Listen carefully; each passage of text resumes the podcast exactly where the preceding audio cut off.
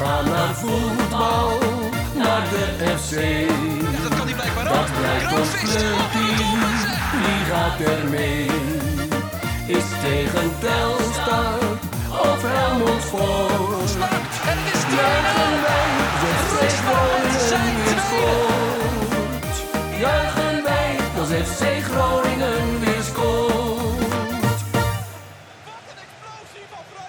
Kom van in de podcast, aflevering nummer 9 van seizoen 6. Mijn naam is Maarten Siepel en vanuit onze podcaststudio zit ik aan tafel met Wouter Holzappel. Hallo. En natuurlijk Thijs Faber. Mooi. Natuurlijk eh, begin ik met, eerst met onze nieuwe Patchput Affers. Dat zijn deze week Guus Rotink, Jaran, Jur Bierman en Arjan Helkema. Bedankt voor het supporten van onze podcast. Er staat eh, een gloednieuwe De Maat met Masker online, hè? Ja, ja, poeh. ja, wat vond je ervan thuis? Nou, ja, ik was daar niet bij bij die opname, maar ik heb die even geluisterd. Hè? Ik denk altijd, Wim. Even je eigen vlees keuren. Wim die kan altijd wel dingen in perspectief zetten. Hè? Hè? Ik zeg niet dat Wim genuanceerd is, want hij is ook regelmatig niet genuanceerd. Maar Wim kan altijd wel hè, eh, een beetje jezelf nog net even uit eh, dat dal halen. Maar Wim heeft mij nu eh, volledig knock-out in de hoek getrapt. Ja, was het zo erg? Nou ja, Wim zegt op een gegeven moment gewoon... Ja, ik wil niet alles weggeven, maar Wim zegt op een gegeven moment gewoon... Ja, ja voor mij voldoet FC Groningen aan de verwachtingen... als wij bovenaan het rechte rijtje van de KKD eindigen. ja, ja, nou ja, het is een uitspraak. Ja. Ja. Wim zei vorig jaar rond deze tijd... eh FC Groningen gaat degraderen. Of in ieder geval is het degradatiekandidaat, ja. Had hij ook gelijk in. Ah, En ik denk in dat andere ook, dus... eh, Nou, maar eh, daar later meer over. De praktijk wijst vaak uit dat eh, het altijd iets erger wordt dan Wim voorspelt. Maar Maarten, waar kunnen de mensen lid worden? Misschien is dat wel even interessant om te zeggen. Via Patchput Af. Nee, via conforminder.nl. Oh, kom op in de put. En die eh, nieuwe leden, zitten daar nog wat eh NAC-supporters tussen? Of, eh? Nou, nee, volgens mij niet. Nee, nee, ik wil nee. ook alvast eh, de goed te doen aan iedereen uit Breda die luistert. Ik heb zo het vermoeden dat dat er meer zijn deze week dan normaal gesproken. Dus eh, welkom. Pak een worstenbroodje, pak een schrobbelair en... eh, oh nee, dat is... Ik ik Opgepast, heb nu jongen. al ruzie met Breda. Pak een... wat drinken ze daar? Bier, heel veel bier Ja. heb ik mij laten vertellen door Sjoerd Massou. Dus eh, Nou ja, eh, getuigen eh, wat wij door de lucht hebben zien eh, vliegen. ja, ja, ja, ja. Nee, welkom. Nou ja, en als je dus eerst wordt, dan kan je ook nog eens binnenkort gaan genieten van een nieuwe aflevering van Gooit op de redactie. Waarin wij met Bas Kammerga en eens een keer met de gast Peter van Dijken, die vijf jaar lang zich bezighield met, eh, met wedstrijdzaken en vooral rondom uitwedstrijden. Gaan we het hebben over uitwedstrijden en uitwedstrijdenbereid. Die nemen wij dinsdagavond, dinsdag eind van de middag op. Ook weer met Wouter Holsappel. Nou, Nou. geweldig. Ja. Wat een feest. Eh, maar eh, FC Groningen, ja, het eh, verloor met 3-2 in Breda. Het ging echt na de wedstrijd en zelfs nog eigenlijk vandaag Nou ja, tot niet over de wedstrijd. een kwartier voor de opname. ja. het ging natuurlijk vooral over Kevin van Veen. Maar wij, Thijs en ik, waren in ieder geval aanwezig in Breda. Voor een, nou ja, in denk ik in heel veel opzichten een gedenkwaardige away day thuis. Ja, dat was geen eh, avond eh, die je snel vergeet. Nee, in meerdere opzichten. Nee. Nee. Maar laten we het een beetje toch wel in, chronologische Ja. volgorde doen. En vooral beginnen met alles wat er voor de wedstrijd gebeurt. Ja. En dit is eigenlijk ook, ja, dit, eh, ik heb het verder eigenlijk ook niet meer bij andere media gelezen. Maar vertel even Thijs, hoe was deze away day? Nou, kijk, er zijn een aantal externe factoren. Hè. We hadden weer een omwisselplek. Dus dat betekent dat je ergens naartoe moet rijden. Meerkerk in dit geval. Daar gingen pendelbussen vandaan. Eh, en daar, ging, daar kon je gewoon eh, daar parkeren, je kaart omwisselen. En dan met de auto naar het stadion. Was daarna nog drie kwartier rijden Dat of is zo. nog, eh. nog best wel vet, toch? Ja, en dat zonder file. Want eh, een contextuele factor is dat vanaf Utrecht muurvast stond vrijdag. Dus eh, ja, sowieso. eh, ik zette gekscherend op Twitter eh, eh, vrijdag van... Nou ja, eh, een van de bijvangsten van de KKD is dat je... In vier wedstrijden meer in de file hebt gestaan dan in het hele jaar ervoor. dat is ook echt aan de hand. Want nou ja, naar Helmond stonden wij in de file. eh, naar Jong FC Utrecht stonden we in de file op maandagavond. Eh, en en eh, ja, vandaag stonden we weer in de file. Topos niet, hè? Topos viel het inderdaad mee. Toen hadden we het goed geregeld. Maar ehm, ja, dus wij hebben ook vanaf Utrecht, ja, eigenlijk Hilversum, daar, daar was onze eerste tussenstop. Eh dan hebben we op het terras gezeten. En ja, daar, vanaf toen is het gewoon file, file, file geweest. Dus we hebben Ja. daar ongelooflijk lang over gedaan. Dat is een stuk van 40 kilometer van Hilversum naar eh, Meerkerk. Ja, daar hebben we dik anderhalf uur over gedaan. Eh, en dan kom je daar aan en we hoorden van heel veel mensen die met dezelfde problemen zaten. Eh, maar blijkbaar ook de organisatie van FC Groningen. Want wij komen eraan. Niemand. Echt niemand. Die waren nog later dan wij. En hoe laat was dit nou ongeveer? Ja, dan, dan heb je het over 20 over 6. Terwijl wij moesten daar om 6 uur zijn. En die pendelbus zouden om kwart over 6 vertrekken. Maar het stond nog steeds muurvast op die N27. Of op A27. Ehm, ja, en, en daar was je eigenlijk aan je lot overgelaten. Ja, er werd wat geroepen van, oh ja, eh, pendelbus links, auto rechts. Nou, dan werd je kaart gescand, je ID-kaart, seizoenkaart gecontroleerd. En dan was het van, ja, daar staat er nog in, daar moet je maar een kaart ophalen. En er stond gewoon een man met een envelop. En die was gewoon kaart aan het uitdelen. En die zei, ja, heb je gescand? En als je dan ja zegt, dan kreeg je een A4'tje. Gewoon eh, geprint A4'tje. Stond ook nog business op, NAC Business. Ja, dat was dan blijkbaar de toegangskaart. Maar ja, op een gegeven moment, de tijd begon al te tikken. Dus wij dachten van, nou, we gaan weer die auto in. Want ja, het stond natuurlijk weer file tot Breda. Eh, ja, dus eh, ja, in die hoedanigheid kwamen wij eigenlijk eh, ja, tot onze verbazing als vierde auto aan bij het stadion van NAC. En het was inmiddels, ja, denk ik, een kwartier voor de wedstrijd dat we daar aankwamen. Ja, maar je moet je ook voorstellen, Hols, we stonden eigenlijk op een parkeerplaats en er stonden dan een, nou, een x aantal auto's. En toen moesten we opeens naar de overkant, naar het hotel wat daarbij Ja. zat, moesten we de openbare weg. We reden gewoon terwijl de Ja, moet je- auto's dan moet je dus met langskwamen. 400, 500 man de openbare weg over. Ja, en Dus inderdaad, de snelweg of een andere Nee, weg? gewoon een provinciale weg. Oké. En inderdaad, er moesten opeens ook twee aparte rijen worden gecreëerd. Dus voor mensen die met een pendelbus gingen en mensen die wel een autokaart hadden. Ja, weet je, dat zijn wel dingen waarvan ik denk dat de club dat wel... Of die mensen moeten daar eerder zijn. Want Ja. het, is, het is niet Maar je weet de achtergrond niet. Hè? Je Nee, weet niet klopt, klopt, want, klopt. eh, Maar ik kan me niet voorstellen dat dit onwil is. Maar ja, er was gewoon niks geregeld. En je staat er met 500 man. Ja, dat was chaos. En, Ja. en eh, ja, eh, sorry, ik praat door je heen trouwens. Nou ja, het is meer van, ik denk dat de, dat de club... Ja, en het is, nou, het is niet de eerste keer, Thijs, dat, dat het wel eens gebeurt dat, dat die mensen later zijn. Terwijl ik denk van ja, eh, ehm, eh, de club zou het zichzelf ook makkelijker maken als die mensen er gewoon echt altijd als eerst zijn. Dus ja, dan, ja, ik snap, ik weet niet, misschien is dat niet mogelijk, ik heb geen idee. Maar eh, het levert altijd wel problemen op, want je ziet wel vaker dat op het moment dat die, dan komen die mensen aan van de club. En dan gaat iedereen natuurlijk als een zwerm bij je, gaat naar die, Ja. naar die stewards toe. En dan staan zij, moeten zij daar zeg maar nog half die auto uitkomen. Ja, maar Het, het, ik, ik denk dat probleem- het zich- zichzelf ook iets makkelijker het zou probleem is ook dat was zowel naar Os als naar Helmond, eh, want dat was dezelfde parkeerplaats als deze. Het was gewoon fucking kleine parkeerplaats weer. Dus het was ook een soort Tetris met auto's werd er gespeeld, zodat iedereen er maar op kon. Want iedereen, ja, er komen natuurlijk een heleboel mensen met negenpersoons busjes. Ja, dat zijn natuurlijk best wel units. En dat paste allemaal maar net. En dat stond allemaal. In, ja, dus het was. Ja, maar ik- ja, kies. Ik denk dan altijd. Er moet toch ergens wel een grotere parkeerplek zijn. Ja. Maar goed. Ja, en dan kom je in dat stadion aan. Dan ben je de vierde auto. Het was kwart voor acht. ja. maar ja, die is vooral toe te schrijven, denk ik, aan, eh, aan de organisatie van FC Groningen. En het feit dat er gewoon echt heel veel file stond. Ehm, ja, en, en wij zijn toen eigenlijk vrij probleemloos gewoon bij NAC door de fouillering heen gekomen, door de poorten heen en eh, het vak opgegaan. Maar ja, wij, er was ook niemand op dat moment. We stonden met 20, 30 man in het vak, denk ja, ik. ik denk op het moment, want eh, er komt natuurlijk het moment dat, eh, dat het vak dicht werd gegooid. Ja. Ik denk dat, dat dat was ergens dus aan het begin van de wedstrijd. Ja, ik denk dat het op dat moment stonden er, ik denk max 100. Nou ja, wij, wij kregen dat ook maar een beetje verlaat door. Want nou, wij wisten wel bijvoorbeeld, eh, wij waren met ons groep met twee auto's. En die andere auto's hadden een kilometer of tien achter ons. Het was heel raar dat die, zeg maar, als wij om kwart voor acht binnen zijn, dat die er bij de aftrap nog niet zijn. Dat op zich hoor je dat te halen. Eh, maar toen gingen er al wat geluiden door het vak. En iemand riep dat ook in het vak om, volgens mij. Van, joh, er staan nog heel veel mensen buiten en het hek is dicht. Ja, en dan schiet natuurlijk een hoop door je hoofd van wat is daar dan aan de hand? Van is dat omdat ze te laat zijn of omdat NAC het niet voor elkaar heeft? Of nou ja, het bleek een soort combinatie van allerlei factoren. Er gingen allerlei geruchten dat het met de trommel te maken zou hebben of zo. Ehm, ik weet het niet wat het exact was, maar nou, ik hoorde wel van Dimitri. Ik had hem ook nog even voor deze podcast gevraagd van wat was er nou? Ja, die wist het eigenlijk ook niet. eh, wat er precies was gebeurd. Maar ja, er begonnen mensen over het hek heen te klimmen. Want ja, eh, als er binnen een wedstrijd bezig is, je hebt daar 3,5 uur voor in de auto gezeten, ja, dan wil je ook die fucking wedstrijd zien. Dus ik snap dan niet, ja, ik, ik snap gewoon niet de gedachte erachter om dat hek dicht te gooien. Sowieso gaat het om een trommel, wat, ja, nou, het is verboden bij NAC. Eh, maar dan denk ik, ja, is een trommel een reden om 400 man maar op te sluiten buiten? Ik, of, of nou ja, buiten, gewoon tussen twee hekken in. Ja, ik vind van niet, persoonlijk. Eh, maar ja, bovenal staat dat je dan heel raar aan die wedstrijd begint, omdat het grote deel van het vak gewoon nog niet binnen is. Nou, het was bizar, omdat je komt al heel vroeg natuurlijk op 1-0 eh, achterstand door een, Ja. eh, door een goal van Tom Boeren. En je moet je eigenlijk voorstellen, Hols, dat wij, wij zaten dus in dat vak. En eigenlijk was iedereen op het vak was heel erg bezig met wat gebeurt er buiten het stadion. Ja. Want ja, waarom zitten we hier maar met, met eh, 80 à 100 man?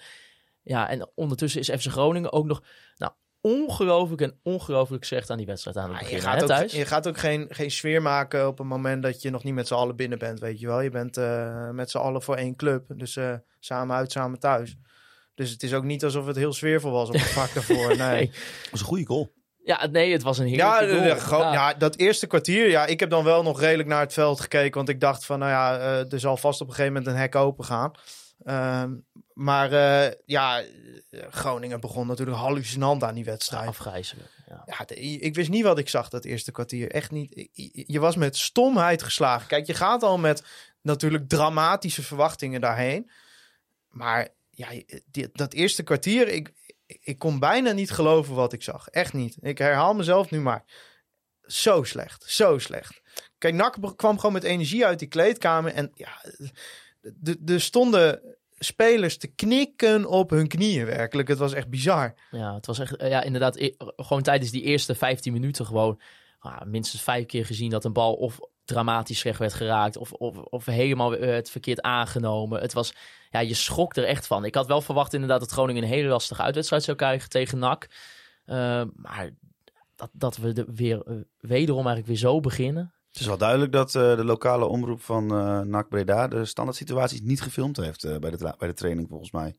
Want die variant, die, eh, daar wisten ze echt helemaal niet mee om te gaan hè, bij die 1-0. Nee, maar daar, gaat zo, daar staan zoveel spelers vrij. Ja, dat, ja, dan maakt het niet uit of je zonderdek of mandekking speelt. Dat heeft gewoon te maken met een totaal gebrek aan spelintelligentie van ja, deze ongelooflijk instabiele, labiele ploeg. Van wie, kwam, van wie kwam hij nou? Want was het nou man... Ja, ik weet niet of ze mandekking of zonderdekking spelen. Dus ja, je kunt dan wel zeggen het is de man van Balker of de man van Meta. Maar ja, ik weet niet. Ik weet niet.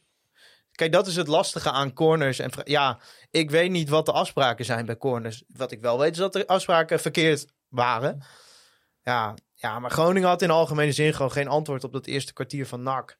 Nee, want Als, Nee. je, als je wel keek naar de opstelling, wij hebben toevallig ook al met Wim in de maand met Masker over gehad, dat Wim wel eigenlijk nou, de variant zien die we nu een beetje zagen. Hè, met inderdaad een basisplaats voor Joey Pelopessi, waardoor eh Leandro Bacuna en Johan Hoven eigenlijk meer die diepteloopacties konden doen en eigenlijk meer in het aanvallende spel betrokken konden zijn. Eh, is dat iets, Thijs, hè, ondanks nu ook het resultaat van de wedstrijd, waarvan je wel denkt, ja, dit is wel iets waar we in ieder geval de komende weken een beetje naar moeten kijken, dat dit het zou moeten zijn? Ja, ik heb wel de tweede helft had ik een beetje, om, om al een beetje op de zaken vooruit te lopen voor deze vraag specifiek. Ehm, ik denk wel dat dit hem is, zeg maar, de, de samenstelling van het middenveld. Ook omdat ik denk dat stel of Hoofd of Bakuna kan niet spelen, dat Valente in die rol veel beter uit de verf komt dan als rechtsbuiten of als tien of als halve spits, zeg maar. Dus eh, ik denk dat het goed past. Het probleem is alleen dat je aanvallend ja, dan gewoon vleugelspelers tekort komt. En, en, dat maakt het lastig in deze. Kijk, eh, in die andere opstelling dan kun je nog een soort halve rechtsbuiten slash rechter aanvallende middenvelder, zeg maar. Dan daar heb je wat meer opties. Maar nu heb je gewoon Touré en, eh en uh, Emerande niet bij. En dan moet je meteen met Van Bergen op rechtsbuiten. Ja, dat is het gewoon niet, zeg maar. Nee, dat is het niet, maar... Kijk, ik ben wel uh, ervoor om in ieder geval een van die buitenspelers dan Postema te laten zijn. Maar je hebt dan wel een echte buitenspeler daarbij nodig. Ja, maar ik, ik vond al dat uh, Van Bergen alweer zoveel meer bracht dan wat Iran dus dat drie, vier wedstrijden heeft gebracht. Ja, ja, nee, 100%. Maar dat neemt niet weg dat de kwaliteit dus nog niet genoeg is. Nou ja, ik, ja het, het, zegt, het, het, geeft aan wat je probleem is. Ja, aanvallend. Het, aanvallend ligt het probleem. Want kijk, Rente was weer terug. Ja, dat vind ik echt een superspeler. De beste rechtsback die we hebben, terwijl die niet eens rechtsback is. Moet je nagaan. Maar het probleem is gewoon, je hebt aanvallend. Ja, wat heb je? Wat heb je? Van Veen. Ja, nou, die heeft volgens mij weer laten zien dat het een topspits is. En we gaan het straks over allebei zaken hebben. Maar twee geweldige goals. Ja. ja. Je hebt Postema. Laat maar staan. Prima, creëert kansen. Ja. Maar die derde positie, daar heb je niks. En het probleem is, je hebt de hele zomer geroepen dat je daar iets gaat halen. Ja. Emeran is te grillig. Ik denk uh, dat, die ja. heb je dan gehaald. Maar mag ik al breder selectiebeleid ja, en zo? Ja, hoor, Waar ik moeite mee heb, is dat we... wat, wat was de conclusie na vorig seizoen? Hè? De spelers individueel, hè? Dat, dat vonden ze allemaal wel goed. Kern moet behouden worden. Compositie klopt niet. Maar als je nu toch kijkt, dan klopt de compositie nog steeds niet. Dus we hebben een hele zomer met elkaar geëvalueerd. Waardoor uh, Gudde ook zijn positie in stand heeft weten te houden. Sterker nog, hij heeft zichzelf meer technische verantwoordelijkheden gegeven. We hebben alle mensen die dit leed hebben veroorzaakt, namelijk Wes Beuvink en Art Langeler is er ook betrokken bij geweest, in mindere mate beleidsmatig. Maar Wes Beuvink is er gewoon vanaf het begin bij geweest, heeft al die matige spelers gehaald als hoofdscout. Nou ja, Flederis heeft ze gehaald, maar hij heeft in ieder geval niet betere aangedragen. Um, of die... het is in ieder geval niet gelukt om de technisch directeur ervan te overtuigen om die dan te halen. Ja, nee, dat is een wat genuanceerdere blik, ben ik het ook mee eens. Maar um, die gaan dan vervolgens hun eigen vlees keuren in de zomer. Daar zetten ze Dick Lukien bij. Uh, die uh, toch wel over, in alle spelers wel wat ziet. Dat is ook zijn karakter en als nieuwe trainer. En Veldmaten die helemaal nieuw is bij de club. Daar zit dus niemand die conclusies trekt. Want ze zitten allemaal hun eigen vlees te keuren. Allemaal in eigen opzicht. Hè? Kijk, Art Langelen moet gewoon beslissen van... nou, hebben we op die positie een betere jeugdspeler? Nou, antwoord is vaak nee, denk ik. Wes Beuving moet over zijn eigen gescouten aankopen. Ja, tuurlijk gaat Wes Beuving zeggen dat een Abraham en een Iran dus dat daar potentie in zit. Want dat heeft hij ooit gezien. En Gudde, die kijkt gewoon, dat is gewoon een boekhouder. Die kijkt gewoon, die denkt, ja, ik heb Abraham voor 2 miljoen gekocht. Die staat nog voor uh, uh, x bedrag op de balans. Ja, die kan ik nou niet uh, zomaar de derde keuze maken. Zou Gudde zich niet gewoon voor zijn mening voor het grootste gedeelte gewoon laten bepalen door Henk Veldmaten? Ja, ik weet het niet. Ik, ik weet niet maar ik snap ook niet, zeg maar, waarom we Gudde technisch uh, mandaat hebben gegeven. Nou ja, dat hebben we gelukkig niet gedaan. Dat nou, heeft de zelf, club. Dat heeft hij zelf gedaan. Nou, dat heeft hij zelf gedaan met steun van de RVC. Maar ik snap, de man heeft nog nooit een technische functie bekleden.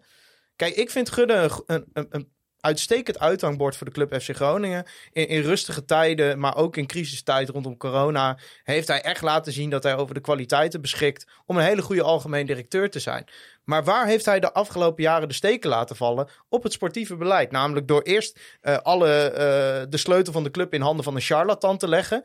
Uh, alle signalen die erop wezen dat die man een charlatan was. En de complete selectie plus jeugdopleiding plus alles rondom het eerste elfte kapot aan het maken was. Heeft hij genegeerd.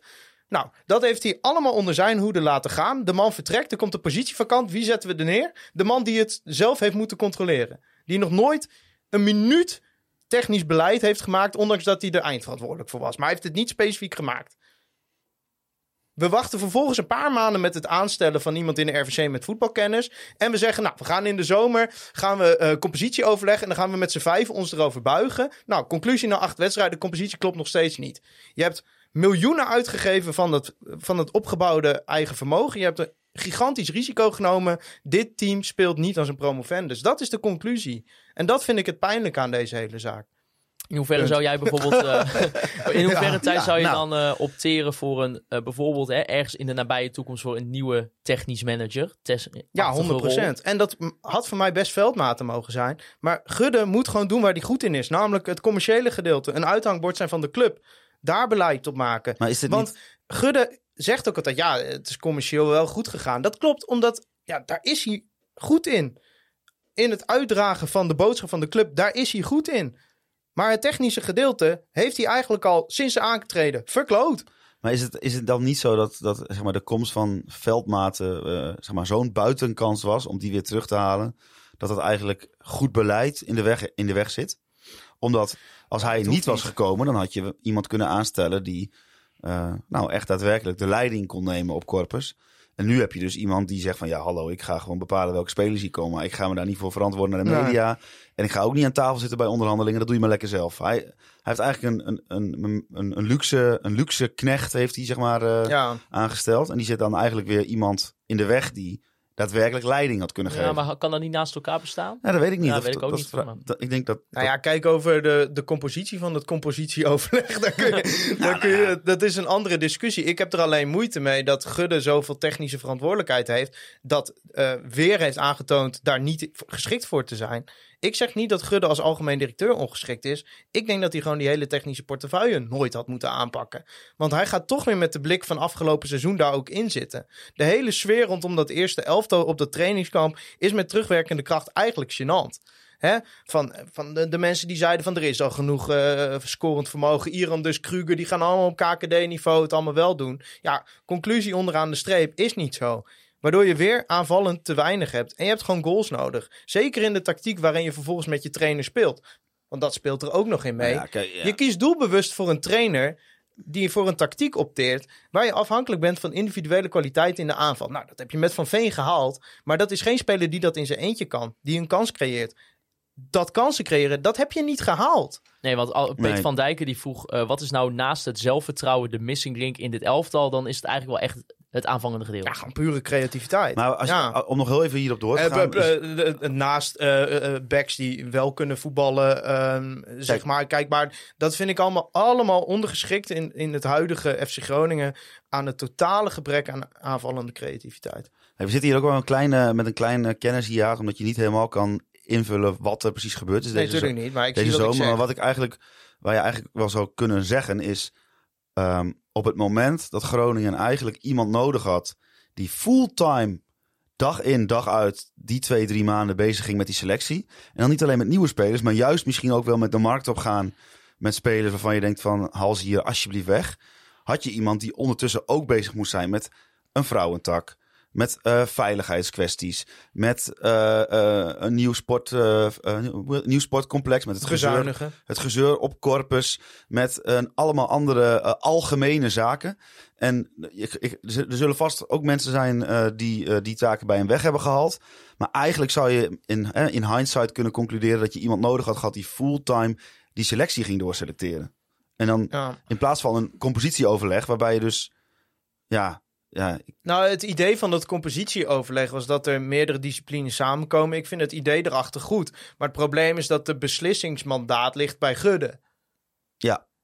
En dat is toch weer een slager die zijn eigen vlees keurt. En het is dan onbestaanbaar dat je weer denkt dat je het met Iran dus Abraham... Ja. Nou, noemt, ik, ik, Nee, daar had iemand ik herhaal mezelf elke week, maar Nee, dat je daarmee wel gaat Er redden. had iemand, Dick had moeten komen en je had tegen Dick moeten zeggen: ja, Dick, je kunt, jij kan het wel zien zitten in Iran, dus in Abraham. En het, maar wij gaan- niet. Ze gaan het Ja. vast ergens anders wel laten zien, maar hier niet meer. En daar gaan we nu afscheid van nemen. Dat had, Ja. Nou ja, goed, dat is kennis achteraf, maar dat hadden wij misschien op dat moment zelf ook al wel kunnen bedenken. Ja, en dan, ja, dan zullen mensen zeggen, ja, misschien was er wel geen interesse. Maar ja, Nee, maar dat is wat dan, ik zeg. dan is mijn vraag, ik zou, ja, De- nee, maar- is echt alles eraan gedaan om die gasten te verkopen. Precies, de persoon die erover gaat, die, eh, die daar eh, eindverantwoordelijk voor is, die had ondertussen ook 16 andere Ja, eh, onderwerpen waar hij eindverantwoordelijk voor was. ik denk dat er ook een stukje arrogantie in heeft gezeten. En dat, is, dat haal ik puur uit zeg maar, de sfeer rondom dat trainingskamp. Dat iedereen dacht, ah, in die KKD, dan komen deze spelers er wel uit. Hadden we Terwijl- dat, maar hadden we dat zelf ander ook, voetbal. maar hadden we dat zelf ook niet een beetje? Hadden we zelf toch ook niet ergens Ja, toen we ook op dat niet- trainingskamp waren het idee van nou ja, eh, wij kijken niet elke week naar FC Den Bosch, wij kijken niet elke week naar Helmond Sport. Eh, misschien gaat iemand wel als Paulus Abraham met een lekkere voorbereiding en hopen dat hij niet geblesseerd raakt een goed seizoen Ja, maar als jij tandarts bent en je ziet iemand met een rot gebit en, da- en dan denk, en er komt daarna iemand met drie gaatjes, dan denk je ook dat die drie gaatjes meevalt. Maar dat neemt niet weg dat drie gaatjes nog steeds eh, gevuld moeten worden, zeg maar. Dus het, het kwam van een verschrikkelijke situatie. Nou, er kwam iemand snap, jij, die, snap jij hem, Maarten? er kwam iemand die die sfeer uitsteekt. Dit was een holsappelmetafoor. maar de, de, de, k- kwam iemand die die verschrikkelijke situatie in ieder geval op het gebied van sfeer kon verbeteren. Ja. ja, en dat duurt altijd totdat je voor het echtje gaat spelen. En het tegenvalt. En je verliest bij Jonge FC Utrecht thuis. En je geen kans gecreëerd. En dan wordt er allemaal weer hiep hiep hoeroi. Er wordt goed getraind. Maar je hebt er geen reet aan. Want eh, nou, die tweede helft tegen NAC was goed. Dat is, dat, daar kunnen we ons aan vasthouden, zeg maar. Aanknopingspunten. Ik denk dat deze eh, opstelling in principe prima is. Maar op de lange termijn, met deze aanval, gaat het nooit genoeg zijn. Hier staat geen promovendus te voetballen. Dat is het probleem. Als wij op deze manier doorgaan, gaan wij 100% niet promoveren. Nee, en je zag ook na die 1-0 van NAC. ehm, en dat is ook iets wat Kevin van Veen nu ook al drie, eh, drie keer na een interview heeft gezegd. Dan zakt dat hele team in elkaar. Het- er hoeft maar één ding te gebeuren en poef. En dat merkte je eigenlijk vrijdag weer. Dat gewoon, de, het, was, het had al wel 2 of 3-0 kunnen zijn bij wijze Ja, van spreken. Maar weet je, ik, ik zat een eh, andere podcast van dit eh, prachtige conglomeraat eh, te luisteren. namelijk eh, NFL op woensdag. Och, ik weet, dat jullie er nou. niks mee hebben. En eh, Pieter die, eh, die maakt dat. En Pieter die zei iets over de Chicago Bears. Daar ben ik ook fan van. En die zijn echt zo fucking slecht. Die zijn nog slechter dan FC Groningen. En die zei, eh, verliezers ver- kunnen heel slecht verliezen. Winnaars kunnen veel beter verliezen. Dus als je een winnaar bent en je verliest, dan weet je gewoon dat als je gewoon blijft doen wat je doet, dan ga je uiteindelijk weer winnen. Maar verliezers die alleen maar verliezen, die nog meer verliezen, ja, die kunnen, die kunnen gewoon nog slechter verliezen, omdat ze gewoon alleen maar verlies, verlies zien. Dit Ja. zijn gewoon verliezers. Ja, Dit zijn verliezers. Bij elkaar opgeteld. Ja, maar wij hebben toch natuurlijk als club ook alles te verliezen in zo'n Ja. seizoen als dit. Dus heb je winnaars nodig. Ja, maar dan moet je niet met al die gasten die allemaal mentaal aan de grond zitten na een nachtmerrieseizoen doorgaan. Want kijk, eh, je, je kan heel veel over, de, over het sportief beleid zeggen. Bijna alle aankopen die zijn gedaan zijn te verklaren, voldoende en passen in het team. Hè? Rente, topaankoop van Veen, goede aankoop. Bakuna, ja, er is genoeg kritiek op hem te hebben. Een prima aankoop. Peersman, solide linksback, prima optie voor Meta. Dit zijn allemaal prima spelers. Emeran, zit potentie in, heeft je bijna niks gekost. Prima, allemaal prima. Alleen het totaalplaatje is weer ruk. Het is weer ruk. Waarom denk je dat als je nu bij Feyenoord... Feyenoord kan denk ik letterlijk iemand van, eh, van, van VV Maasluis 8 in het team zetten, een wedstrijd laten meedoen. En omdat het hele geheel klopt en ze een geweldige technische staf hebben, zou die gewoon kunnen meedoen. Ja, ik denk dat als je elke aankoop van Misliet dat bij Ajax nu bij Feyenoord neerzet, dat hij gewoon goed, goed draait. Shit werkt zo. Ja. Maar als je kern van je team bestaat uit mensen die al anderhalf jaar alleen maar verliezen. Ja, dan ga je vanzelf door met verliezen. Dat is mijn heilige overtuiging. En ook Dick Lukien kan dat niet keren. Hè, ik, pleit Lukien niet helemaal vrij. Maar ik vind wel dat hij nu een tactiek heeft gekozen. wat een stuk beter bij deze groep past. Ja. Een veel realistischere tactiek. Dus daar kunnen we op voortborduren. Maar dan heb je nog steeds on the long run gewoon het probleem dat je aanvallend kwaliteiten mist. En dan eh, kunnen ze bij de club wel zeggen: ja, dat kunnen we dan in de, in de winter wel eh, recht trekken. Maar dan ben je gewoon alweer te laat. Nou, in de keukenkampioen-divisie ben je dan misschien niet te laat. Ja, maar sorry, als je met onze begroting het moet hebben van een periodekampioenschap, dan moet je iedereen die verantwoordelijk is voor dit beleid na afgelopen seizoen zeggen: Nou, ik schaam me hier zo voor, ik kom hier nooit meer. Ik lever mijn contract in de groeten. Ja, sorry, maar ik snap best dat het niet zo makkelijk is hoor. En eh, hè, Johan Cruijff zegt altijd, of zei altijd, eh, van eh, ik heb nog nooit een zak geld een doelpunt zien maken. Maar je hebt zoveel geïnvesteerd in de selectie. Er staan spelers voor zoveel geld op de loonlijst die gehaald zijn voor subtop eh eredivisie. Ja, en eh, het klopt gewoon niet. Het geheel klopt niet. Nou, eh, toen kwam in minuut 27 Oh ja. de 1-1. Na een overtreding op Isaac Meta nam eh, Kevin van Veen de vrije trap. En die schoot hem ja, heerlijk binnen. En daarvoor gaan we naar de Ongarite Company moment van de week. Het Online Retail Company moment van de week.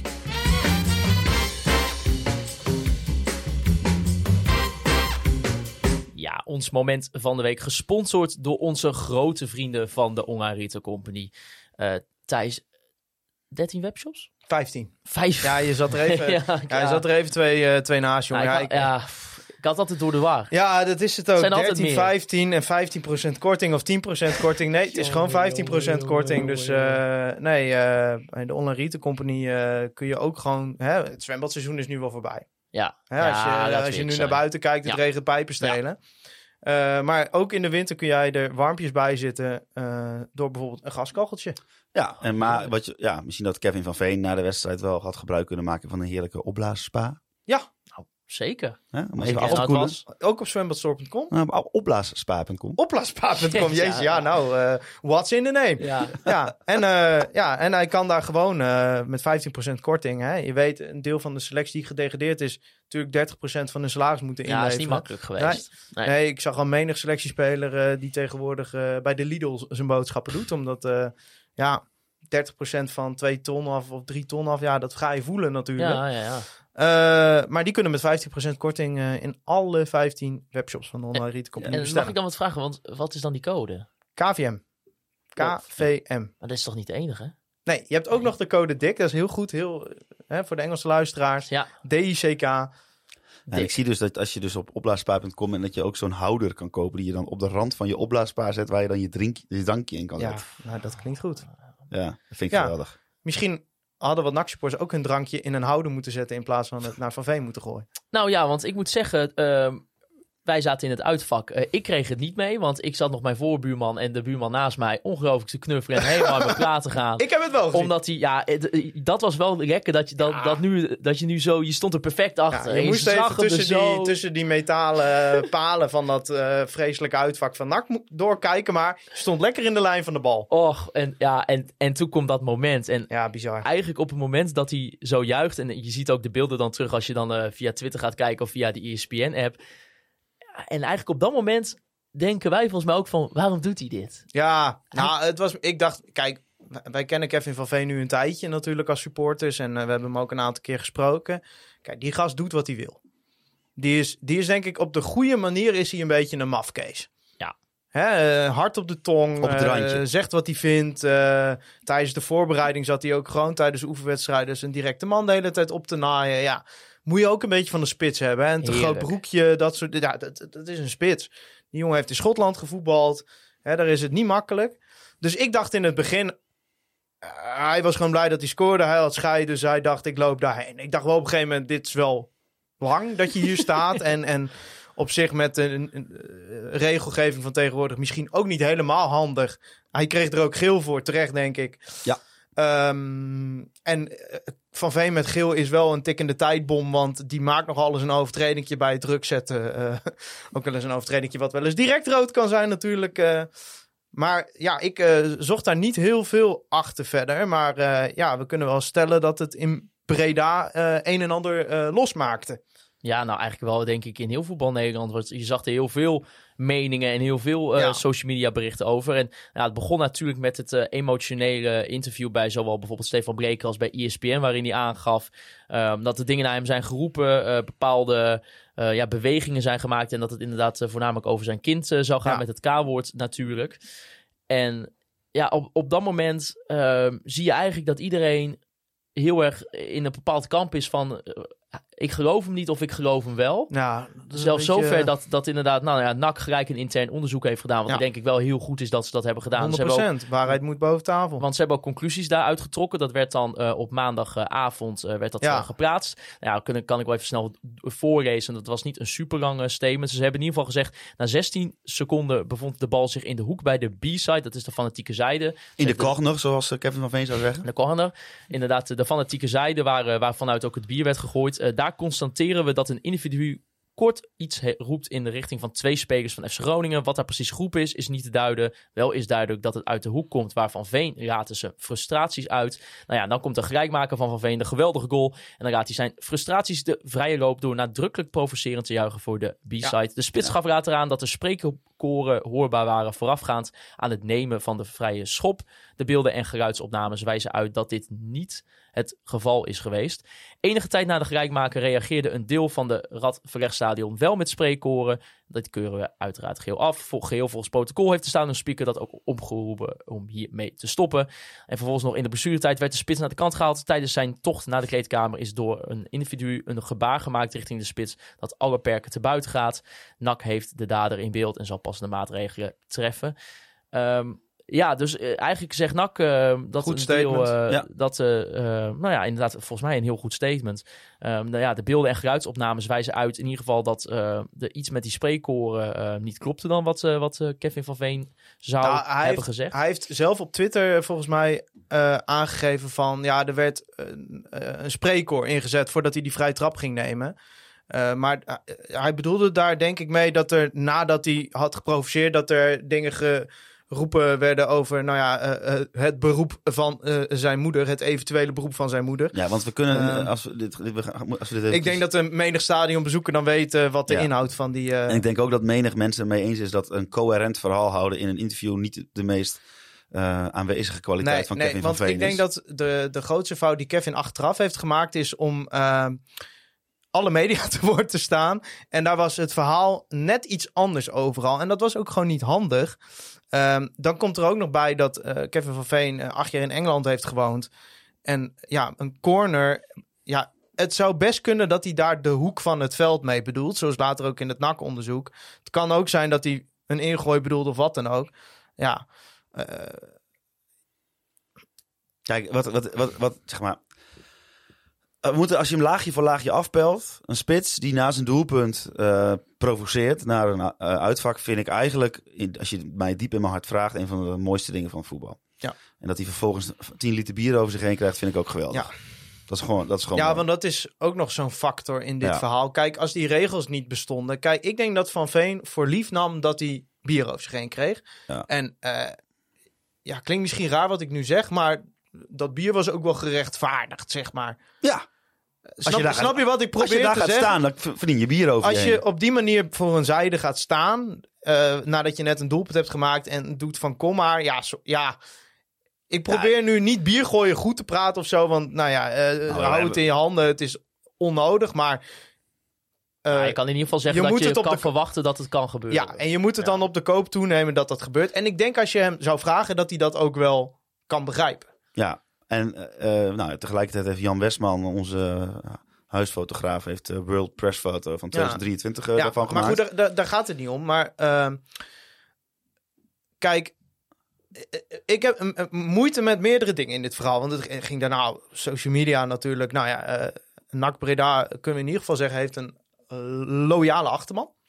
Ja, Ja, ja, die eh, hun weg naar de eh, menig social media ook weten te vinden. Dat kunnen we ook stellen. Ja. Ehm, kijk, die trokken de volledige verklaring in twijfel. Terwijl, zeg maar, ik vind de kans dat hij dat uit zijn duim zuigt, zoiets ernstigs, een stuk minder aannemelijk dan dat er individuen in dat stadion waren. Ja.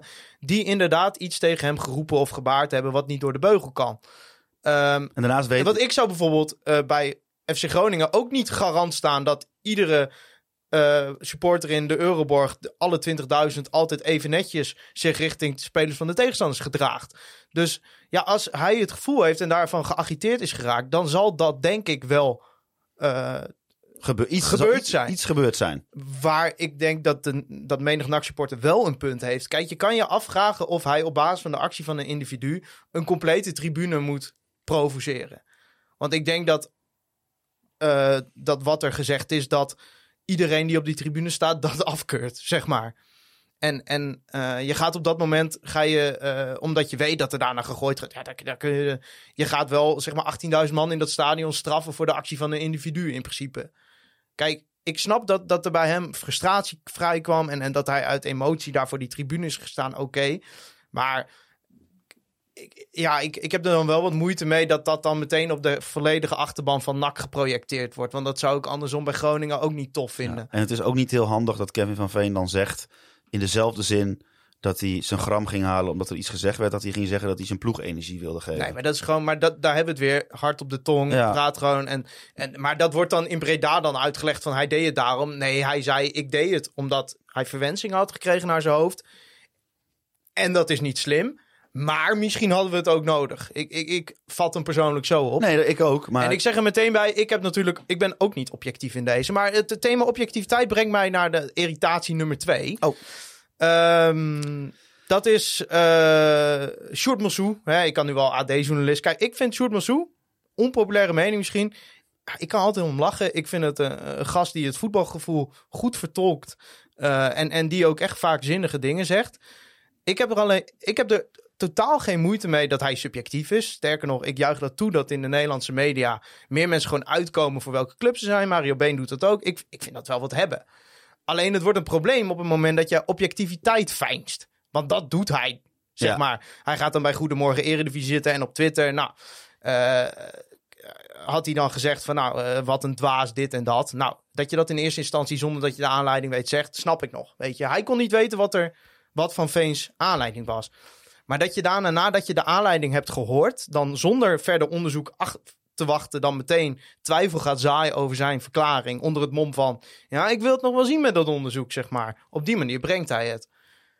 Ik kreeg bij hem enorm het gevoel dat hij het straatje van NAC nogal probeerde schoon te vegen. En dat vind ik geen probleem als jij NAC-supporter bent. Maar wel als je dat onder het mom van objectiviteit doet. En dat was een beetje het gevoel wat ik bij zijn uitingen kreeg. ja, ik ben het helemaal met je eens.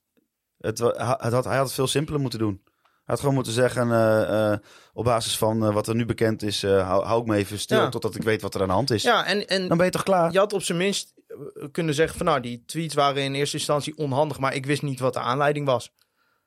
Maar wat hij doet is wrijven in de vlek, twijfel zaaien. En, en het, het werd steeds gekker. Hij zei op een gegeven moment van ja, misschien moet de NAC aanhang maar aangifte van smaad en laster tegen Oh, Kevin. ja, ja. maar het is toch, dan kom ik weer op het vorige punt. Hij heeft dit toch niet verzonnen? Hij gaat zich toch niet zomaar als een idioot voor de B-side staan juichen uit het niks. Dat is, zeg maar, er moet toch iets gebeurd zijn. Dat kan bijna niet anders. Want, Ja, en ik denk ook wel dat want je... anders had hij ook wel gezegd dat hij er gewoon zin in had om te je- provoceren, als je- denk ik. als je in zo'n stadion staat, dan ga jij als eh, voetballer ook niet het onderscheid maken tussen één of twee of drie mensen die wat zeggen en een Nee. heel vak. Nou ja, je kan je afvragen of het, eh, of het handig is. Nou, ik denk dat daar het antwoord nee op is. Nee, maar, maar, het laat natuurlijk wel zien wat er, wel nee, maar het laat voor. natuurlijk wel zien wat er mis, er mis is. Want ehm, je kunt kennelijk, eh, nou ja, dat kan dus in dit geval niet, maar je kunt kennelijk een speler alles toewensen vanaf die tribune. Hè, ze- je kunt zijn kind doodwensen, dat kan dus gewoon. En als hij die, diegene daar tegenop staat, en dan kun je natuurlijk discussiëren over de manier waarop. Hè, want ik vind inderdaad 18.000 mensen over één kam scheren en een heel stadion duperen en dat volk de hele tijd. Hè, hij, hij noemde ze wel echt ja, eh, en daarna volk. op, op Twitter je ook daar een aantal keer over uitlaten. Dat is natuurlijk niet super handig, maar het laat dus wel zien dat op het moment dat je eh, emotioneel opstaat tegen iets wat totaal over de schreef gaat, namelijk het doodwin- doodwensen van een ongeboren kind, Ja. dan dat, dat, daar kun je dus niet tegen opstaan. Want dan, eh, heb je, hè, dan, dan vliegt meteen de vlam in de pan. Bier, gestaakte wedstrijden. Nou, die mensen die bier hebben gegooid, die zullen een stadionverbod moeten krijgen. Ja. Eh, het laat gewoon precies zien wat er allemaal mis is in het voetbal mo- momenteel. Aan de ene kant dat je dus eh, eigenlijk maar gewoon je kop moet houden. En maar over je gezegd moet laten worden dat je kind dood moet gaan. En aan de andere kant eh, dat het ook niet oké is dat als je gepro- dat het een beetje provocatie is. Dat mensen die daar verder niks mee te maken hebben. Ja, die worden boos, die gaan bier gooien. En daar zitten ook allemaal gedupeerden. Het is Ja. gewoon. Nou ja, de KNVB maakt er wel een mooi feestje van zo. Ja, het is, een mooi maar kijk, dat, dat, het, het, die regels zorgen alleen maar voor meer escalatie. En dat is natuurlijk typisch Nederlands. Van, Ja, We voeren ergens een maatregel tegen in en de na-effecten kijken we daarna wel. Eh, dat is gewoon hier ook weer aan de hand. kijk, want Eh, maar, maar kijk, bijvoorbeeld dat, dat statement van NAC komt dan hè, van... nou, er kan niet vastgesteld worden wat de groep is in die hoek. Ja, ik, vind, ik heb dan ook wat moeite mee dat er dan aanhangers van NAC zijn... die dan zeggen van nou, dan is het dus niet bewezen dat er wat gezegd is. En dan denk ik, ja, maar er is ook niet bewezen dat er niks gezegd is, zeg maar. Hè? Ja, maar ik heb heel erg het idee dat NAC-supporters denken dat op het moment dat ze doodgaan... en er komt een rij bij de hemel, dat NAC-supporters met z'n allen vooraan mogen staan. ja. En dat Peter Ja. zegt, oh jullie zijn voor NAC, kom binnen... want jullie zijn allemaal van brandschoon gedrag... en niemand van jullie doet iets geks. Ja, ik heb me wel verbaasd, zeg maar. Kijk, ik begrijp ergens waar het vandaan komt. Dat je voelt je natuurlijk een beetje op je clubhart aangevallen. Ja. Je wordt, kijk, er wordt richting jou een verwijt gemaakt. Je wordt in een hokje geplaatst waar je jezelf totaal niet mee verenigd voelt. En voor je gevoel is dat ook nog eens onterecht. Zeg maar. Maar ik vind twijfel gaan zaaien over iemand die, die zegt dat hij zoiets heeft meegemaakt. Daar heb ik wel moeite mee. En Nee, maar- zeker als jij eh, journalist bent en voor het AD werkt en gewoon weet wat je ermee teweeg brengt. Nee, maar echt alles wat in een straal van drie meter om mij heen v- verder af gebeurt op het vak... daar durf ik mijn hand niet voor in het vuur te steken. Ik, het kan maar zo zijn dat daar iemand iets roept wat niet door de beugel kan. Ik weet dat niet. Maar zij doen alsof ze dat allemaal wel weten. Kijk, ook al zijn het er maar drie, ook al is het er maar één. Dat kan, het kan gewoon niet. En daar is, nou ja, Kevin van Veen is dan, eh, laten we het zo zeggen, iets zeggen wat niet kan tegen, Ke- tegen Kevin van Veen. Dat is momenteel nogal giftige cocktail. En daar zijn de gevolgen zijn daar natuurlijk ook niet allemaal. eh, Kevin van Veen moet ook misschien iets Ja. beter nadenken wat hij doet. Ja, nee, maar dat, dat gaf hij zelf ook aan. Kijk, hoe Kevin van Veen zich daarna bijvoorbeeld op social media... Kijk, eh, ook dan weer, ik kan het begrijpen, maar ik vind het niet handig. Nee, want zoals bijvoorbeeld eh, op eh, X slash Twitter zei hij dan eh, bijvoorbeeld over Sjoerd Mossou dat het een afschuwelijke vent was. Joost Brouwhof, journalist van VI, zei ongelooflijk dat jij voor Voetbal International werkt. eh, met je nakbril op, dat soort eh dingen. Ja, ja het is Ja. een be- beetje gênant. Kijk, wij reden letterlijk ongeveer naast de spelersbus terug toen deze tweets online kwamen. Dus waarschijnlijk zat hij dus vanuit de spelersbus dit te typen. Kijk, hij moet op zo'n moment ook weten van leg het nou gewoon weg. Want Kijk, weet je wat ook heel hoe meer je vind? dan je Instagram DM's weer gaat lezen en weet ik allemaal niet, Maarten, zie jij niet ook Ja. die soort parallel? hoe meer je ermee geconfronteerd wordt. Met wat dan? Nou ja, Kevin van Veen en Thijs Faber, die hebben gewoon nodig dat na de wedstrijd hun telefoon gewoon even niet in hun bezit is. Nee, maar kijk, ik ik snap wel dat Kevin van zich afbijt, maar het maakt je zaak niet sterker. Het zorgt alleen maar voor meer ruis, zeg maar. Eh, wacht gewoon dat onderzoek af. Nou, ik vind, ik vind dat bijvoorbeeld NAC zich in deze kwestie goed heeft gedragen. Ze hebben die, eh, laten we het op een onhandige tweet houden, na de wedstrijd. Ja, dat was, nee, dat was gewoon gênant. Ja, dat was... Weggehaald. Eh, maar ja, zeg maar de vijfde kolonne, de, de Sjoerd Mazzoes van deze wereld. Ja, NAC heeft wel een jaloersmakende PR-machine, moet ik zeggen. Ja, Die kunnen de communicatieafdeling gewoon opheffen eigenlijk. ja. Want het is dat studio voetbal niet doorging gisteren. Maar anders eh, was denk ik Pierre van Hooijdonk er ook nog even. Wat ik normaal trouwens ook een hele goede vent vind. Eh, fijn om naar te luisteren. Maar kijk, eh, maar ik vind gewoon... Als... kijk dat, dat, dat iedereen nu weer Sjoerd Massou aanvalt. Denk, ja, weet je, kijk, ik vind het ook gênant. Hè? Je moet niet objectiviteit fijnzen en dan gewoon de NAC supporten. Hè, dan moet je ook gewoon bier drinken, het Beatrix Straat, hippie, poera, carnaval. Zeg van, nou, ik ben voor NAC, ik vind dit kut. Dat is ook prima, dat is prima mening. Ja. Maar hij brengt, nou, ik, een soort longread analyse. Dan denk ik, ja, Sjoerd. Maar ik wilde nog, ja, ik mag Sjoerd wel, normaal gesproken. Ik, ik vind hem wel leuk. Hij schrijft leuke stukken. Ja, Nee, ik ben het met je eens, helaas. hij had gewoon een wat minder weekend. Nou, hebben we allemaal wel eens. ik had ook een minder weekend, maar dat was door eh, de prestaties van FC Groningen. Nou, laten we in ieder geval denk ik vooral hopen dat Kevin van Veen eh, vooral zijn doelpunten eh, Ja. blijft maken. Laat je en, voeten eh, maar spreken. Maar laat het dan in ieder geval ervoor zorgen dat mensen op de tribune zich niet meer onaantastbaar wanen. Ja. En dat je niet een wiegend gebaar kan maken en dan een, de hand, een hand voor je keel. Want als je dat doet, dan plaats je jezelf wat mij betreft gewoon buiten deze maatschappij. En moet je gewoon Nou ja, kijk, ik denk dat eh, de emotie in een stadion... eh, ik weet 100% zeker, als jij een transcript maakt van alles wat ik tijdens het seizoen roep... Dan, eh, dan, dan, dan ben ik daarna denk ik mijn baan kwijt, Ja, deze podcast tegen- kwijt. En dan... Eh, dat is tegen de scheidsrechter en tegen de grensrechter. En dan mag het. Ja, ook wel eens tegen sp- spelen van de tegenstander. Maar ja, ik vind dan privé en kinderen en zo erbij. Ja, het is allemaal niet goed natuurlijk. Ik moet ook niet hypocriet doen. Maar in, in dit geval moet je dan ook niet doen als achterban alsof het niet bestaat, zeg maar. En je roept dat gewoon tegen iemand. Hè? Kijk, als je op een tribune dat eh, in, de, in, de, in de wijte roept, dat is toch anders, vind ik. Ja, vind ik ook. Dat, dat wat het niet goed praat hoor. Maar ja, weet je, voetbal is eh, ja, clichétje. Voetbal is emotie? ook emotie. Maar als je, zeg maar, terwijl die jongen naar een hoek loopt, dat tegen hem roept, ja, dat is ook wel weer anders. Lul ik mezelf nu vast of Nee. valt het wel mee? Nee, ik snap Klinkt wat wel je logisch, bedoelt. toch? Ja, want ik wil de- hier, de- nee, ik wil ook niet doen als ik, alsof ik altijd eh potverdikkie. Wat een, eh, wat een vervelende spits heeft die tegenstander die die elleboogstoot uitdeelt.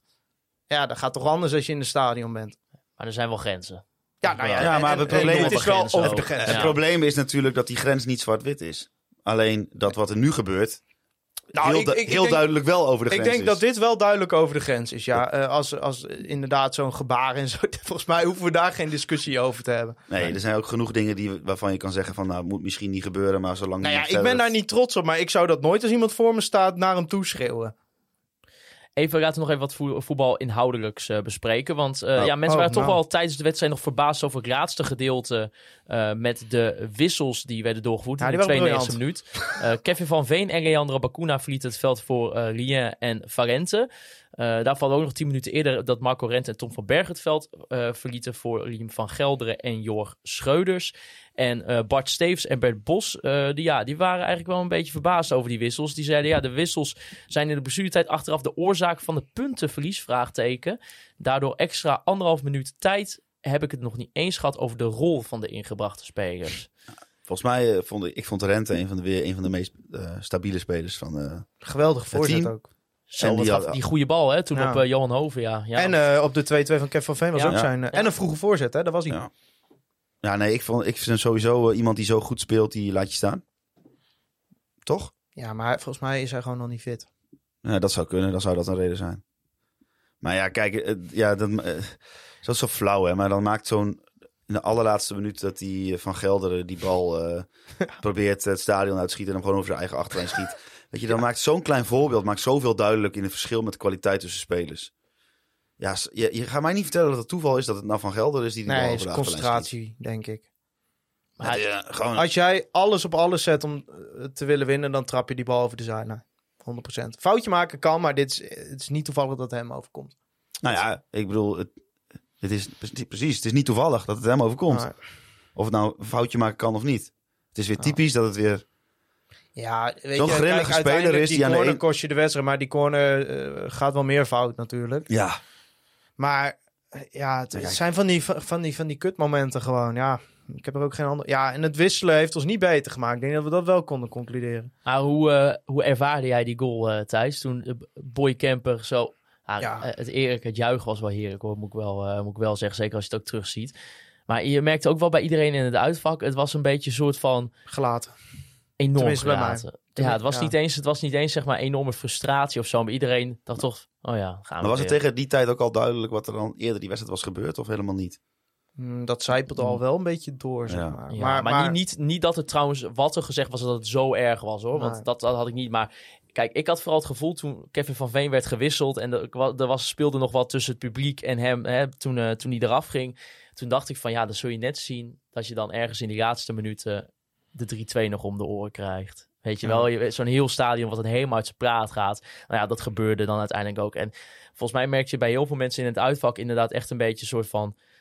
Nou ja, het was niet de eerste keer, zeg maar, dat we, dat we Terwijl- dit zo op deze manier ervaren. De rest van de tweede helft wel een soort van, nou ja, een soort van hoop geeft van, hou, hè, daar kun je Ja. nog een keer beelden van terug Maar laten als zien. we dan naar de mentale labiliteit van deze groep verliezers kijken, dan was het natuurlijk, ja, dan gaat het uiteindelijk goed en dan verlies je alsnog weer. Nou ja, ik denk dat dat ook wel in een groot probleem is. Dat je speelt dus een hele goede tweede helft. Maar, Een hele goede. nou ja, gewoon een prima goede tweede helft, helft. Een goede helft. Maar Een aardige tweede helft, het, ja. het, eh, het levert gewoon wederom een keer niks op. En Nee. dat is dat als we er dan constant over vertrouwen hebben en eh, dat soort zaken. Ja, dan, dan als je dat niet een keer beloont, dan is dat gewoon heel frustrerend dat er dan weer niet gebeurt in de laatste minuut. In ook nog een stadion wat natuurlijk helemaal extra uit zijn praat gaat, omdat eh, Kevin van Veen eraf ging en dat dan, dan die goal valt, weet je wel. Alles klopt dan even zo in zo'n stadion natuurlijk voor de tegenpartij. Nee, nee, ik, eh, ik gun dat, in die zin gun ik ze dat ook van harte. En, maar ja, dat, dat, ja, ik denk dat het weer zo'n enorme dreun moet zijn geweest voor een aantal jongens. Nou ja, wie volgens mij ook eh, heel veel dreunen eh, te verwerken krijgt en dat eh, daar niet echt een goede weg mee vindt, dat eh is Michael Verrips. Ja. Zeg, Ja, maar ik het nou goed? Ja, Ja, want eh, nou ja, we- wederom eh, natuurlijk niet een bal heel erg lekker weggewerkt. Ik zag heel veel frustratie blunder, ook. Gewoon eh, blunder. want. Piet van Viet, Vincent Fokkelman en Sam, eh, ja, die, eh, die vroegen toch wel eens tijd was voor een andere keeper. Eh, ik moet wel zeggen, Thijs, jij was weer, gooide weer toch even een tweetje eruit. Want ja, je kon het natuurlijk wederom weer niet laten. Dus Hoezo? ja, Ik plaats gewoon... Kevin van Veentje gedaan? Ik plaats er gewoon een mooie foto van Hidde Jurjes op mijn de Twitterpagina. Daar bedoelde ik verder niks mee. Nee, oké. Maar eh, Ja, ik vind, weet je, ik vind dit misschien altijd wel een van de pijnlijkste dingen om eh, over te hebben. Want ja, een keeper wisselen, dat doe je niet zo. Nee, maar- nee, nee, nee. Kijk, als je, ik als je ook wisselt niet is of je het hem- klaar. Ik weet ook Als niet je Ja, en ik weet ook niet of je hem nu moet wisselen. Maar je had wel na af, afgelopen seizoen kunnen bedenken: hé, hey, weet je wat? Ehm, de- met deze keeper zijn we gedegradeerd. Ja. En die zag er niet goed uit. Kijk, eh, eh, misschien kan die het wel. Maar laten wij er nou eens voor kiezen om het met iemand anders te proberen. Nou, dat is precies het punt wat ik wilde maken. En, En- dat is niks tegen hem hoor, maar Nee, wel maar- een beetje. Ja, en dan, eh, weet je, ik zie dan die Jurrius ook in, de, in die voorbereiding. Ik denk van, goh, dat is toch best wel een aardige keeper volgens mij Ja. die, die ze hebben gehaald. Ik had wel als reactie onder die foto die ik plaatste van, die, eh van Hidde Jurjes een aantal de graafschapssupporters die zeiden Thijs, denk alsjeblieft niet dat dit de oplossing is. Nee. Dus dat, eh, en ik heb Hidde Jurjes een aantal keren in de voorbereiding met zijn voeten dingen zien doen. Dat ik denk, oké, nee, nee, Verrips kan toch wel wat, zeg maar. Met Maar- name ballen inleveren is hij erg goed in. Zo. eh, ja. Maar ik bedoel, ik, ik, ga ja, trekken jullie dat echt in twijfel dat je een andere keuze in de zomer had moeten maken? Want Ja. ik vind toch wel, met, Nou, eh, het was iemand die Dick Lukien kende, een keeper die eh, onder hem, eh, Dick Lukien had daar vertrouwen in. Het was hoe dan ook een, een rijder vorig jaar, omdat hij dat eigenlijk moest zijn, omdat het tegenviel. Ja, had ik denk ik met inderdaad een, een goede Marco Rente. misschien was als Peersman nog net iets al lekker aan het seizoen was gestart, was hij ook onbetwist ba- basisspeler geweest. Dan, dan had je toch een heerlijke achterhoede met keeper gehad op papier. Met eh, vervolgens ook nog Bakuna en Kevin van Veen, een heerlijke as. Ja, ik vind het, het is inderdaad nu wel echt al een paar weken dat hij inderdaad wel echt eh, nou, fouten maakt of slecht speelt. Maar ja, ik vind, het, ik, vind het niet, ik vind het niet een keuze waarvan ik denk, nou, dat vind ik heel raar, toch? Of, Maarten, ja, mij overtuigd. Ja, het, Ja, is mij gewoon- ook. het is populistisch gelul van mij. Van mij Nee, ook. want in de Ja. zomer vond ik het ook nog een logische keuze, zit ik Ja. nu te denken. Dus Ja. ook. Nee, Maarten, je hebt helemaal gelijk. Maar het is wel een kutkeeper zeg Nou, maar, op, dit moment. het- op dit het- moment. En, Maarten begint zo te praten en ik denk van ja, waarschijnlijk zijn al die andere keepers in de KKD ook gewoon af en toe zo Ja. slecht als Verrips. Dus ja, Verrips! Toen nou, Ver- niet verhips. Verrips.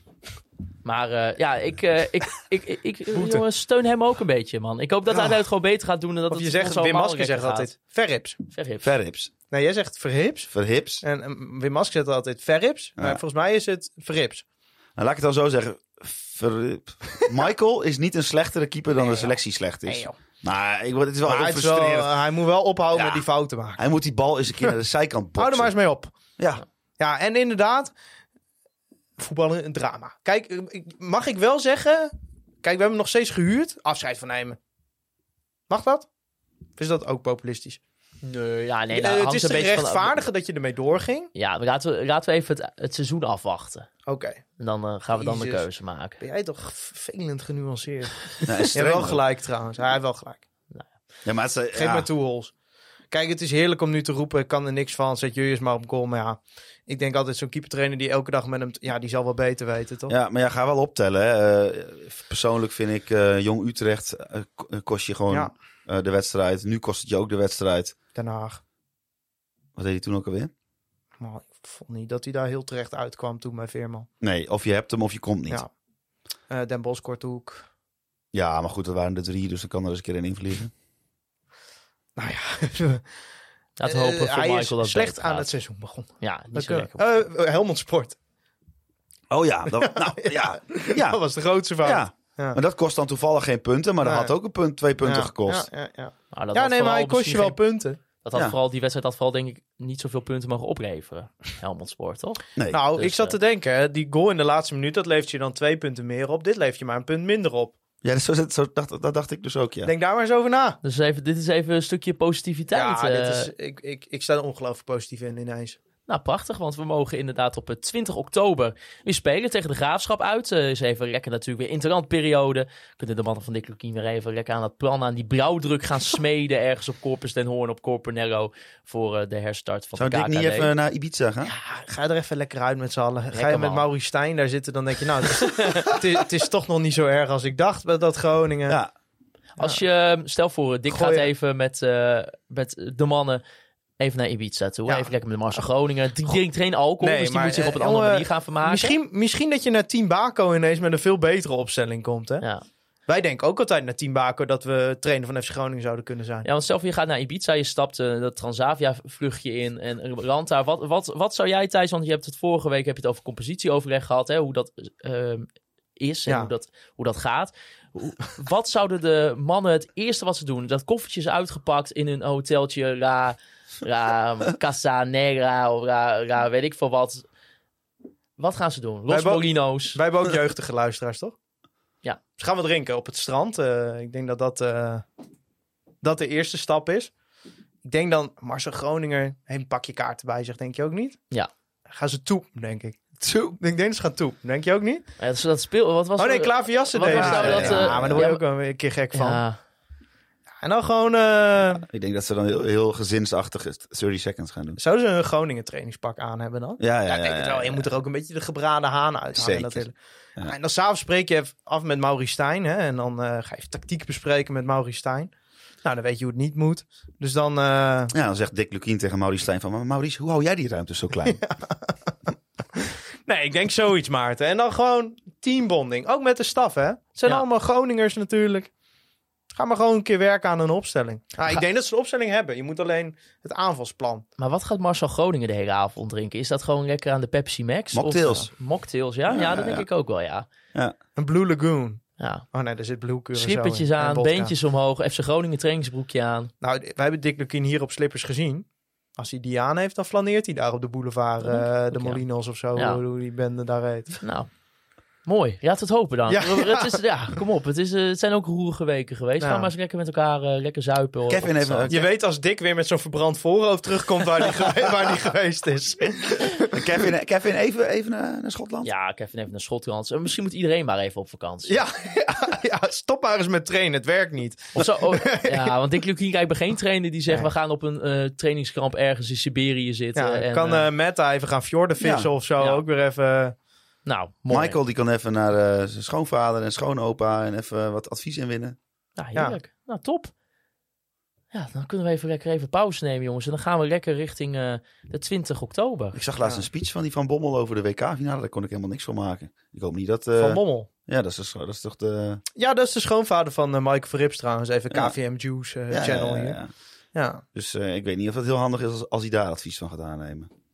Nee, en Van Bommel kon ook niet zo goed keeper volgens mij. Dus Nou, jongens, we gaan ons even weer rustig opraden voor die uitwedstrijd. eh, Ja, ik heb nog tien opmerkingen in mijn hoofd, maar die laat ik mooi aan eh, Martin Drent en eh, Stefan eh, over. Om, eh, als je voor de, de ordinaire podcast dan eh, naar de collega's van de Koffie Corner. Natuurlijk. Die hadden gewoon van Veen deze week. Ja.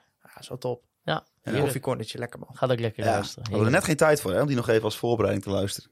Nee, ik luister die altijd op vier keer snelheid, dat is mooi. Dan hoor je Martin Drent heel snel praten, zeg grappig. Hoe gaat dat voor dan? luisteraars. Daar ga ik niet naar. Nee? ik ja, ik ben geen clowntje. probeerde toch een Nee. beetje te ontlokken. Helaas. Jullie kunnen Conforminder de podcast volgen op Spotify, Apple Podcasts, Google Podcasts. Raad ook nog even een recensie achter, mocht je dat nog niet hebben gedaan. Volg ons ook op al onze social media kanalen. Twitter, Instagram, X, TikTok, Facebook. Vind ons overal. Ik wil natuurlijk Jan Westman bedanken. Wederom inderdaad. Het wordt denk ik een World Press Photo of the Year. Het, eh, met het biertje en Kevin van Veen. Die man, het gebeurt. En hij staat er met die telelens, met die joekel van de camera staat hij op. Ik heb nog even gezwaaid naar Jan Westman vanuit het uitvak. We hebben namelijk heel hard zitten schreeuwen naar Jan Westman. Geweldig. Ik wil natuurlijk Toupay en de Online Retail Company bedanken voor de Online Retail Company moment van de week. En het support van onze podcast, net zoals onze Petje.affers. Binnenkort dus een nieuwe aflevering van Gehoord op de redactie. Ga nog even lekker de maand met masker luisteren. Want ook Wouter en ik gingen even op zoek naar een oplossing. Nou, die is deels al ingevuld zelfs. En hopelijk gaat dat eh, tegen de graafschap beter. En ik wil jullie, de luisteraars, bedanken voor het luisteren naar Conforminder, de podcast. Juichen wij als FC Groningen.